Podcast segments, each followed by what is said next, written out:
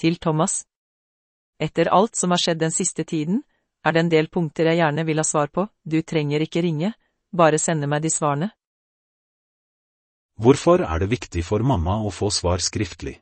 Jeg forstår ikke hvorfor du tar dette som en sak som du skal ordne opp i heller, dette er vel noe mellom oss og Raymond, men jeg forstår jo at det er behagelig for han å bruke deg som advokat for seg, for som han har sagt tidligere, så skal det ikke mye til for at du klikker bare det er noe negativt om meg. Hvorfor er det viktig for mamma å måtte fortelle Thomas at jeg skal ha sagt noe slikt om han? Dette er jo det jeg på vegne av mamma alltid har bekreftet ovenfor familie. Noe som er beviselig og som kan bekreftes av andre at jeg har sagt. Derfor kan mamma fritt bruke dette mot meg, noe som kommer fra henne, men som jeg bekrefter og derfor gir henne ryggen fri, da andre kan bekrefte at det er noe jeg har sagt. Selvfølgelig noe mamma helt bevisst bruker i et forsøk på å vende Thomas mot meg. Ettersom du ikke har vært her og sett eller hørt hva som har foregått, bare hørt på Raymonds forklaringer, behagelig for han å bare stikke da du tar saken? Det har vel aldri vært tilfelle at Thomas har tatt min sak, dette er jo et resultat av beviste løgner fra deg, mamma. Dette er tre gang, men denne gangen har det gått altfor langt. En gang? Var da vi holdt på å skifte bordkledning og vinduer på huset, se 14 år siden, Raymond bodde da hjemme på loftet, sov om dagen oppe på natta, vi prøvde gjentatte ganger å få han til å hjelpe til, han var oppe om nettene, det var aldri stille i huset, vi ble stadig vekt av at han, luska, rundt i huset, vi ble slitne av søvnmangel, og at vi hadde en voksen person i huset som kunne ha hjulpet til med snekring og el. Da vi satte hardt mot hardt, enten fikk han hjelpe til, eller finne seg et annet sted å bo, dro han til Momarka, der fortalte han vi hadde kasta han ut. Jeg kunne kanskje hjulpet til mer enn med bare å rive bordkledning, tømme vegger for flis og sette inn vinduer, så mammas forsøk på å fremstille meg her som en som ikke hjalp til i det hele tatt er feil. Jeg var mye våken på natten, jeg var generelt mye våken på denne tiden og hadde det fryktelig tungt og vanskelig etter brudd med kjæreste den gangen. Det var noe dere overhodet ikke viste noen forståelse for, så selvfølgelig unngikk jeg dere i størst mulig grad og bevegde meg mest mulig rundt i huset når dere sov. Sov. Ikke en eneste gang spurte dere om hvordan det gikk, hvordan jeg hadde det, om det var noe dere kunne gjøre for å gjøre det enklere for meg. Det mamma her beskriver som hardt mot hardt var en beskjed fra henne om at hun ikke orker å se meg slik så jeg måtte finne meg et annet sted å bo. På hvilken annen måte enn å bli kastet ut kan det tolkes. To gang? Da bodde han ved Bjørnang, høsten høsten 2001. Vi hadde alle, både vi, mor og far, din onkel, så godt. Vi kunne, vi alle var der mange ganger, det var tydelig for alle at han trengte hjelp, for oss som var. Der også hvordan det sto til, hun han leide hos fortalt også at hun hadde vært bekymra for han da vi var oppafor og rydda ut etter at han dro sørover. Hvem av dere var det som var der mange ganger? Mamma og gubben. Mormor og morfar. Onkel. Selv ikke i jula hørte jeg en lyd fra noen av dere.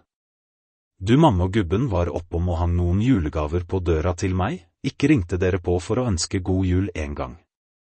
Onkel og tante var der en gang, mormor et par ganger, men aldri morfar. Etter at du fortalte til familie at jeg var psykisk syk, så var det faktisk bare onkel og tante som var innom meg og faktisk kunne se hvordan det var så tydelig for alle at jeg trengte hjelp. Jeg vil tro ingen av dere har hørt lydopptaket fra konfliktrådet, så jeg skal fortelle dere i korte trekk hva som er bakgrunnen for at jeg ble stemplet som psykisk syk i tiden jeg bodde der. Som dere kanskje husker så var lillebror mye sammen med meg. Det var fisketurer, turer generelt og han pleide å være en god del hos meg i Bjørnang. Det var etter at lillebror hadde vært hos meg på overnatting og jeg kjørte han hjem til Finne alt endret seg over natten. Da vi kom til Finne så ville lillebror være med meg når jeg skulle dra, han hylte og skrek og prøvde rive seg løs fra mamma for å bli med meg. For meg var dette en naturlig reaksjon fra et barn som har hatt en god opplevelse og var ingenting jeg tenkte noe mere over der og da. Jeg fikk beskjed av mamma etter dette at lillebror ikke hadde godt av å være sammen med meg, og jeg var ikke velkommen i Finne deretter. Jeg skjønte virkelig ingenting på det tidspunktet, men forsto etter en tid hva som hadde skjedd, eller rettere sagt hva mamma hadde fortalt.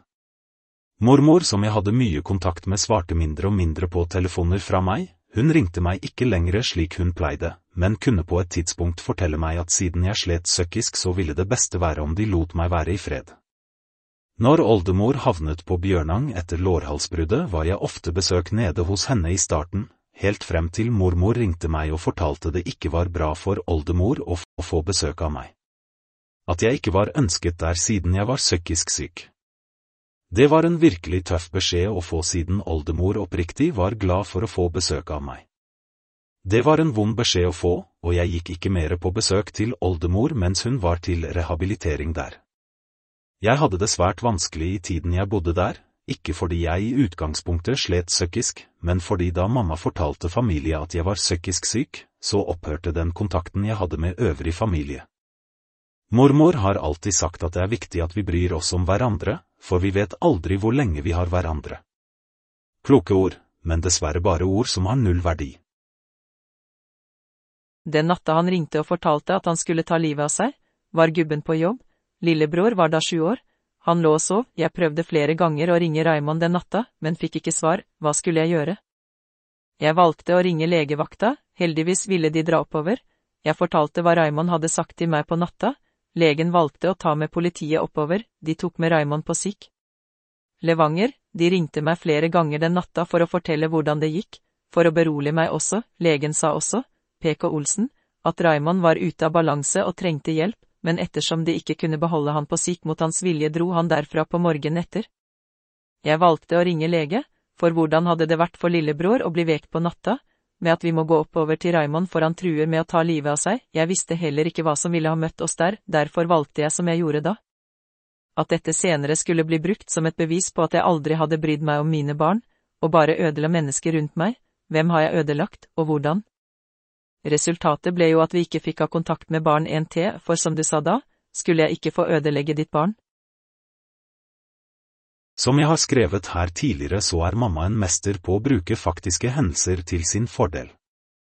Troverdigheten er der når hendelser kan bevises, men ikke innhold. I påstandene mamma her kommer med er det også beviselig at mamma her lyver. Her vil jeg faktisk, faktisk bare be dere om en så enkel ting som å sjekke ut taushetsplikten leger har ovenfor sine pasienter. Jeg ringte aldri mamma og truet med å ta livet mitt slik mamma forteller. Sannheten er at Thomas ringte mamma og ba henne kontakte meg da han var redd for meg og hva jeg kunne være i stand til å gjøre. Dette er hva mamma kaller en test, prøve av henne og det er delvis sant. Jeg trodde dette var en test for å se om mamma faktisk brydde seg, om mamma kom til å ta kontakt med meg. I ettertid har jeg forstått at Thomas oppriktig var bekymret for meg den gangen, og derfor er mammas reaksjon på telefonen fra Thomas ingenting annet enn hårreisende. Mamma ringte meg aldri den natten slik hun forteller, det kom aldri noen lege hjem til meg den natten som mamma forteller, og jeg var aldri i kontakt med noen lege den natten som mamma hevder å ha dialog med. Det stemmer at jeg ble innlagt på psykiatrisk i Levanger, og det stemmer at jeg selv skrev meg ut derfra etter et døgn. Men det var på et senere tidspunkt. Thomas ringte Morten en tid etter denne episoden med mamma, og ønsket at han skulle reise og besøke meg for å se hvordan det sto til med meg. Morten, etter at Thomas hadde pratet med han, kom hjem til meg og fikk overtalt meg til å bli med og snakke med en lege. Denne legen henviste meg til psykiatrisk på Levanger og Morten kjørte meg dit etter dette legebesøket. Mamma har ikke etter 1994 vært min nærmeste pårørende, og en lege hadde brutt taushetsplikten sin ved å gi opplysninger om min mentale helse, eller gitt opplysninger om hvor jeg var til mamma. Selv ikke nærmeste pårørende ville blitt informert om hvor jeg var uten mitt samtykke. En lege får heller ingen opplysninger ved å henvende seg til en psykiatrisk avdeling, og igjen ingen ville fått noen som helst informasjon uten mitt samtykke. Dette er meget enkelt for dere å sjekke opp.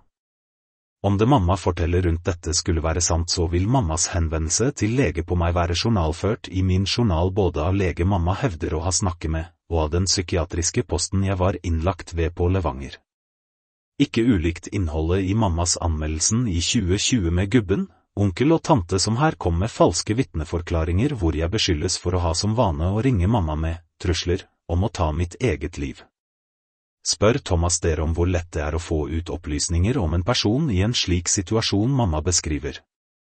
Thomas er en av mine to nærmeste pårørende, to, og dere kan spørre han om jula 2019 og hvor mye helsepersonell kunne berolige og informere han nettopp på grunn av taushetsplikt og personvern. Her skal sies at personen som står oppført som min nærmeste pårørende, 1. ikke ble informert i det hele tatt.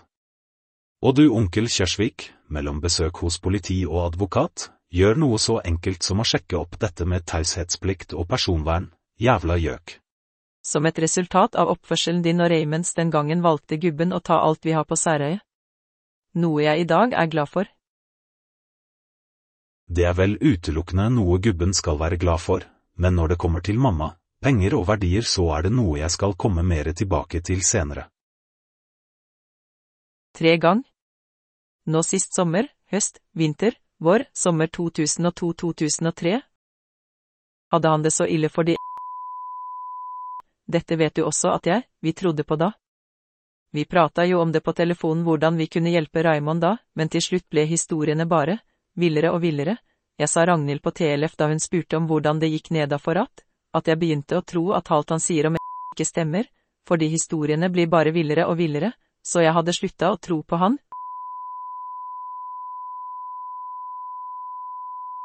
En dag jeg var nedafor etter at de hadde vært i Syden, viste de bilder derfra, og fortalte hvor fint de hadde hatt det, og at de skulle tilbake igjen.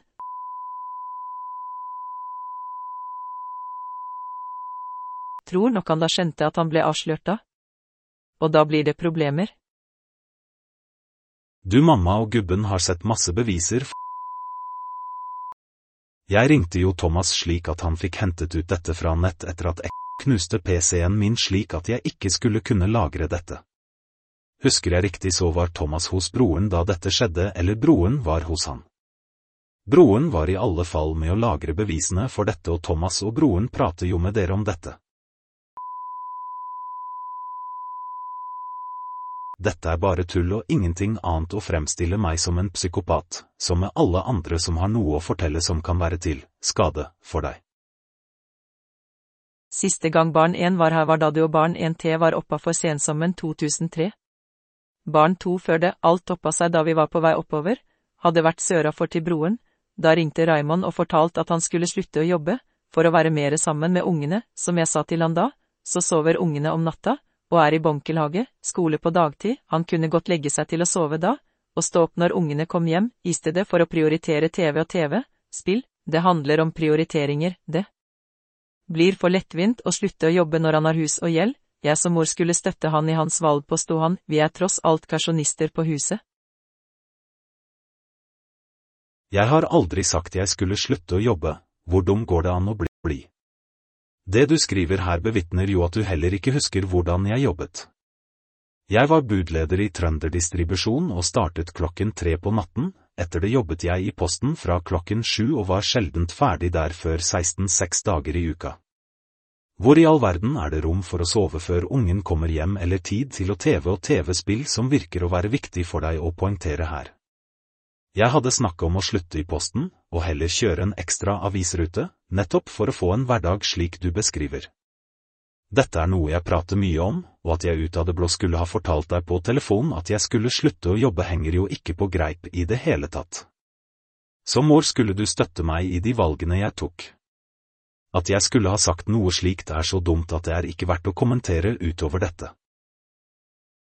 Ifølge Raymond viste han ikke hva en mamma var før han og eksen fikk barn selv, og han så hvordan eksen tok seg av ungene.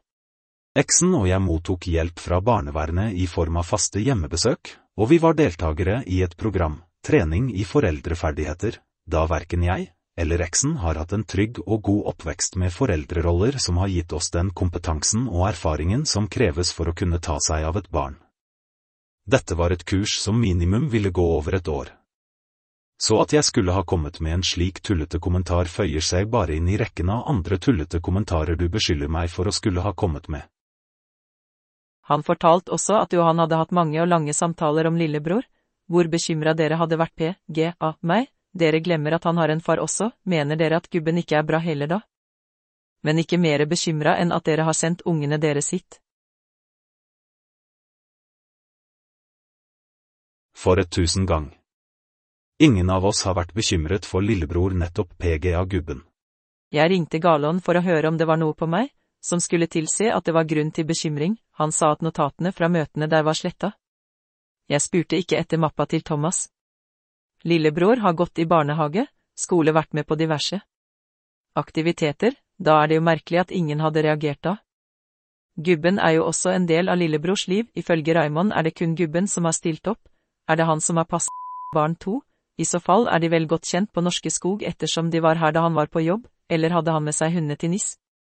En ting skal være sagt, all den hjelpen, energien og ikke minst pengene vi har brukt for å hjelpe Raymond, er ikke i nærheten av hva dere har fått, for det er nesten null, hadde dere fått bare halvparten hadde det vært mye. Nå har jeg aldri vært i NIS, men i motsetning til deg så skal ikke jeg henge meg opp i ubetydelige feil og rette alt fokus over på det.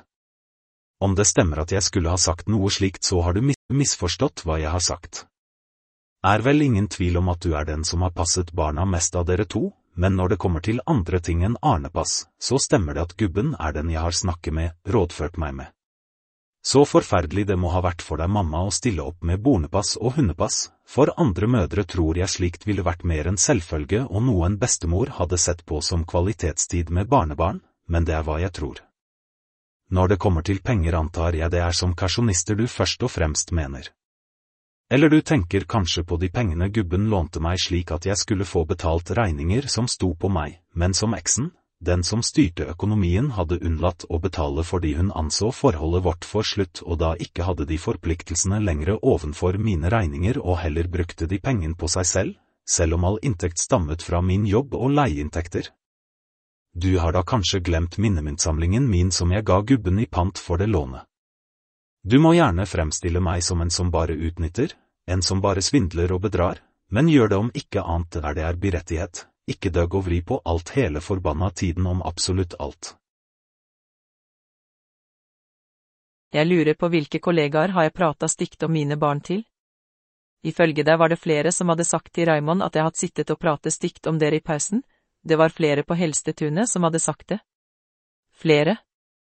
Har de flere noen navn? For jeg jobber ikke på Helsetunet, men Elbeas. Dette er helt ukjent for meg. Det jeg vet at du har sagt er at du hadde pratet med flere av de du jobbet med om meg og eksen, og at alle hadde vært enige om at jeg bare løy. Dette sa du selv til Thomas, og det er vel det som er starten på den egentlige konflikten her. Thomas ville ha et svar på hvorfor du bevisst løy om meg om ting du visste var sant. Du ville aldri gi Thomas svar på dette, men gjorde alt hva du kunne for å få fokus over på andre ting enn deg, og hva det hele faktisk dreide seg om. Og hvor er vi i dag, eller tar jeg helt feil her? Hvorfor sa du at det skulle være et møte hos Galån den 20. oktober 2000, den 20. oktober 2003 klokken 13.30? Han sa at du hadde vært hyggelig i telefon. Og ville ha mappa di, noe han sendte deg, og at du samtidig hadde gitt uttrykk for at du var bekymra for lillebroren din, noe de ikke har gjort noe med. For som Galån sa da jeg pratet med han var, det var jo ikke du som var problemet, men den andre parten som sapte trøbbel. På hvilket grunnlag kunne M. Galoen komme med en slik uttalelse? Hvilke løgner og faenskap er det jeg står bak? Du sier at verken Raymond eller eksen nekter oss å ha kontakt med barn 1 og barn 2, eksen gjør det ikke, men Raymond gjør det hvorfor? De får ikke lov av han å komme hit. Vi har vært nedafor og besøkt de, men det er ikke moro å høre barn 1 forklare barn 2 at hun ikke kan bli med oppover, for de får ikke lov av pappa, det kan ikke være lett å være fire år fem år og forstå at plutselig får de ikke lov til å dra, for de har vært her mye, om Raymond tror han straffer meg med dette, tar han feil, ungene blir store en dag de også, jeg har tross alt vært igjennom dette før med barn en til. Jeg er 45 mil unna, og som du sier så nekter ikke eksen dere kontakt med jentene, så hva er problemet? En ting jeg har lært av egen oppvekst er å ikke prate dritt om personer som er viktige i livet til jentene mine. Det du beskylder meg for her er bare tull skulle jeg på telefonen i samtaler med et barn på seks år fortelle at hun og søsteren ikke får møte bestemor og bestefar. Jeg ønsket ikke de skulle ha noen kontakt med deg, men det skyldtes jo din egen oppførsel den gangen. Du var som du skriver på besøk hos eksen og jentene etter jeg flyttet, men måten du pratet om meg på foran jentene gjorde at eksen ønsket et besøksforbud på deg nettopp for hvordan du omtalte meg uten hensyn til at barna var til stede. Til stede. Selv i dag så prater jeg ikke direkte stygt om noen av dere til jentene mine. Det jeg forteller dem er at pappa ikke har kontakt med dere fordi bestemor lyver om pappa og onkel Thomas. Og nå onkelbroren. Ikke behøver jeg å prate negativt om noen av dere heller da mamma klarer det helt fint selv. Ikke at mamma prater stygt om noen av dere eller seg selv til barn én, men om Thomas og meg. Barn én kjenner både Thomas og meg, og løgnene dine biter derfor ikke barn én på mamma. Jeg vil dele med dere her en melding fra barn én etter hun ble kjent med at mamma hadde anmeldt meg i 2020. Under den meldingen er en SMS jeg sendte mamma og gubben med en kort beskrivelse av hva barn 1 fortalte hva bestemor tidligere har fortalt henne på telefon. Hvorfor sammenligner du meg med Knausgård? Etter at du fikk journalen din fra PPT 13. november, 3, var du klar for en diskusjon om hvem som lyver, lyver om hva, i et møte den 2020. deler til 3? Denne gangen må jeg, vi bare si at dere har gått altfor langt, og at jeg synes at det er dårlig gjort av Raymond å bare rømme fra alt og bruke deg, hvorfor flytter han langt unna ungene sine når han var villig til å slutte å jobbe for å få mere tid sammen med de? Kanskje dårlig gjort å rømme, som du kaller det, men jeg tror broren også flyttet av mange av de samme grunnene som meg. Og du sitter fortsatt igjen og skjønner ingenting. Hvordan er det egentlig mulig å bli? På hvilken måte er det jeg bruker Thomas? I forhold til jobb så har jeg svart på det tidligere her. Når det gjelder PPT og mapper så kjenner jeg ikke til innholdet i mappen til Thomas, men jeg har min mappe fra PPT. Hva tror du den inneholder, mamma? Løgner er hva jeg har å si til deg etter å ha lest innholdet i min mappe. Du burde skjemmes. Du har et barn med store utfordringer i skolen, og du velger å sitte og ljuge i møter med skole og PPT. Der lirer du av deg hvor flink du er med leksehjelp etc. Skolen tror på deg lenge, men når skolen melder til PPT at de ikke tror det du forteller stemmer fordi det ikke samsvarer med deres observasjoner av meg da lekser ikke blir gjort, ikke har riktige bøker med på skolen i forhold til timeplan etc., da nekter du samarbeid med skole og PPT. Jeg kan love dere at det kommer en e-post til fra meg hvor jeg skal ta for meg innholdet i mappen fra PPT. En løgner kan aldri løpe fra seg selv, løgnene innhenter en uansett. Er det virkelig noe jeg håper på du har rett i, mamma, så er det akkurat det. Tidligere var det to personer, du og mormora, som trodde alt Raymond fortalte, nå er det vel bare deg igjen i familien. Synes jo det er veldig synd at han har oppført seg sånn som han har gjort til mor og far, de har hjulpet han mye, han har direkte utnytta de.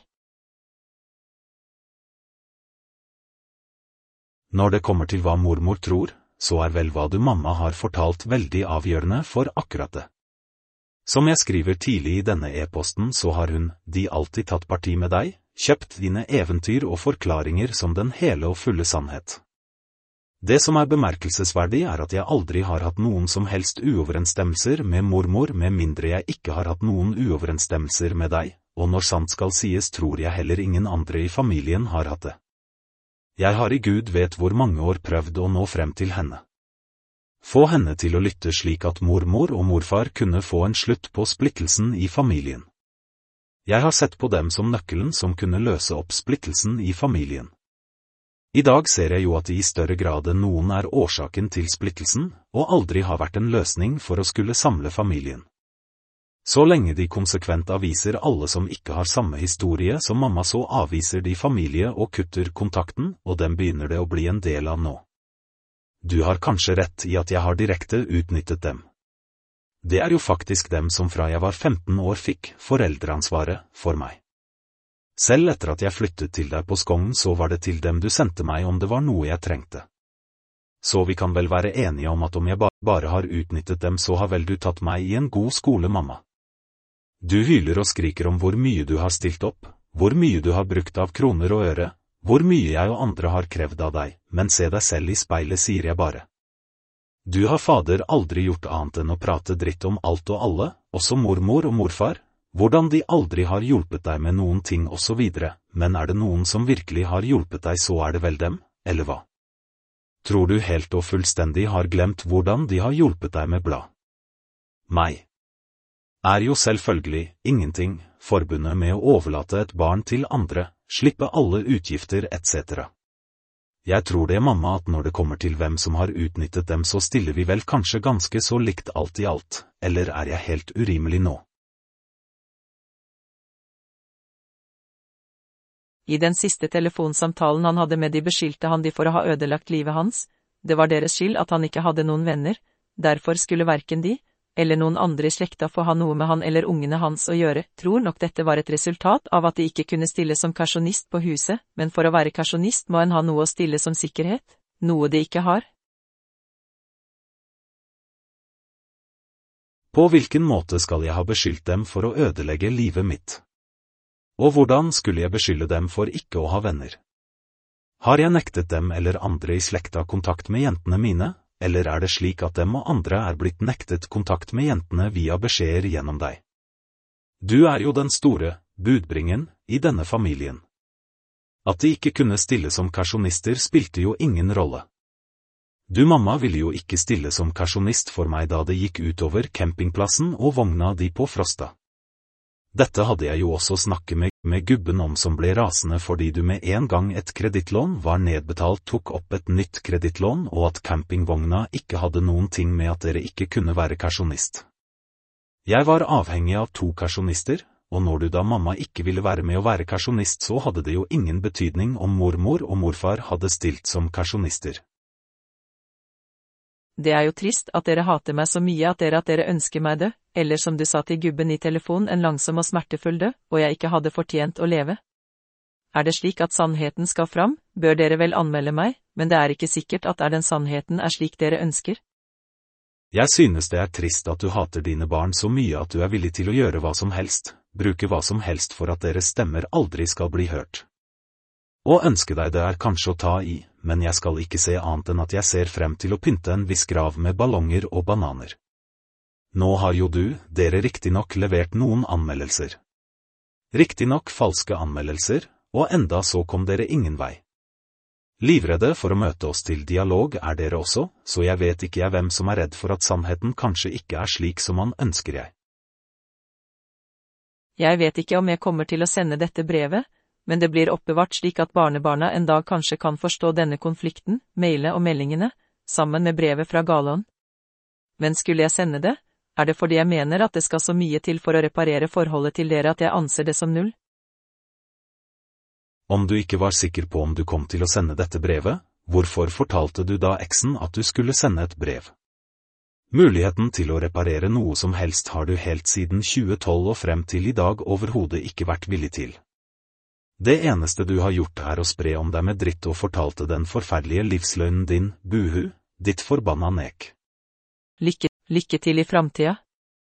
Hils barnebarna med at uansett hva som skjer, er jeg glad i de, det er ei eske til hver av de, som jeg samler minner i, den får de en dag, men der vil jeg ikke ha lengre.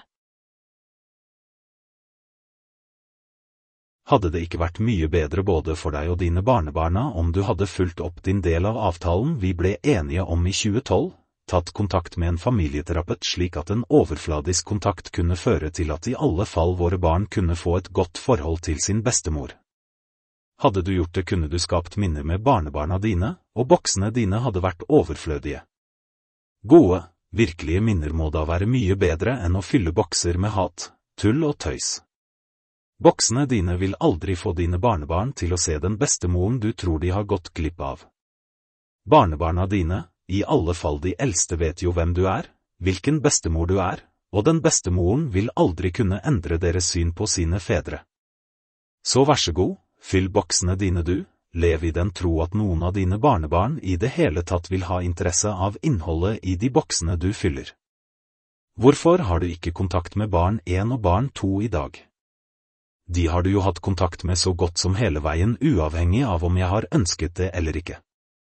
Barn 1 sier hun ikke har hørt fra deg på noen år nå, hvorfor? Og barn 2 har du ikke en eneste gang etter at hun flyttet til meg verken sendt SMS eller ringt til. Du har selv valgt å verken være mor eller bestemor. Det er helt greit at du har valgt slik, men det er ikke greit at du har gjort deg selv til et offer og prøver å gjemme deg bak psykotiske og farlige sønner med løgner. Hadde vi vært farlige så kan jeg love deg at etter alt du har forårsaket i denne familien ville det garantert hendt deg noe. Du gubben har vært med lenge, og du kjenner til mange historier som er blitt fortalt som ikke er mormor, og jeg har i den sammenheng lyst til å stille deg et spørsmål.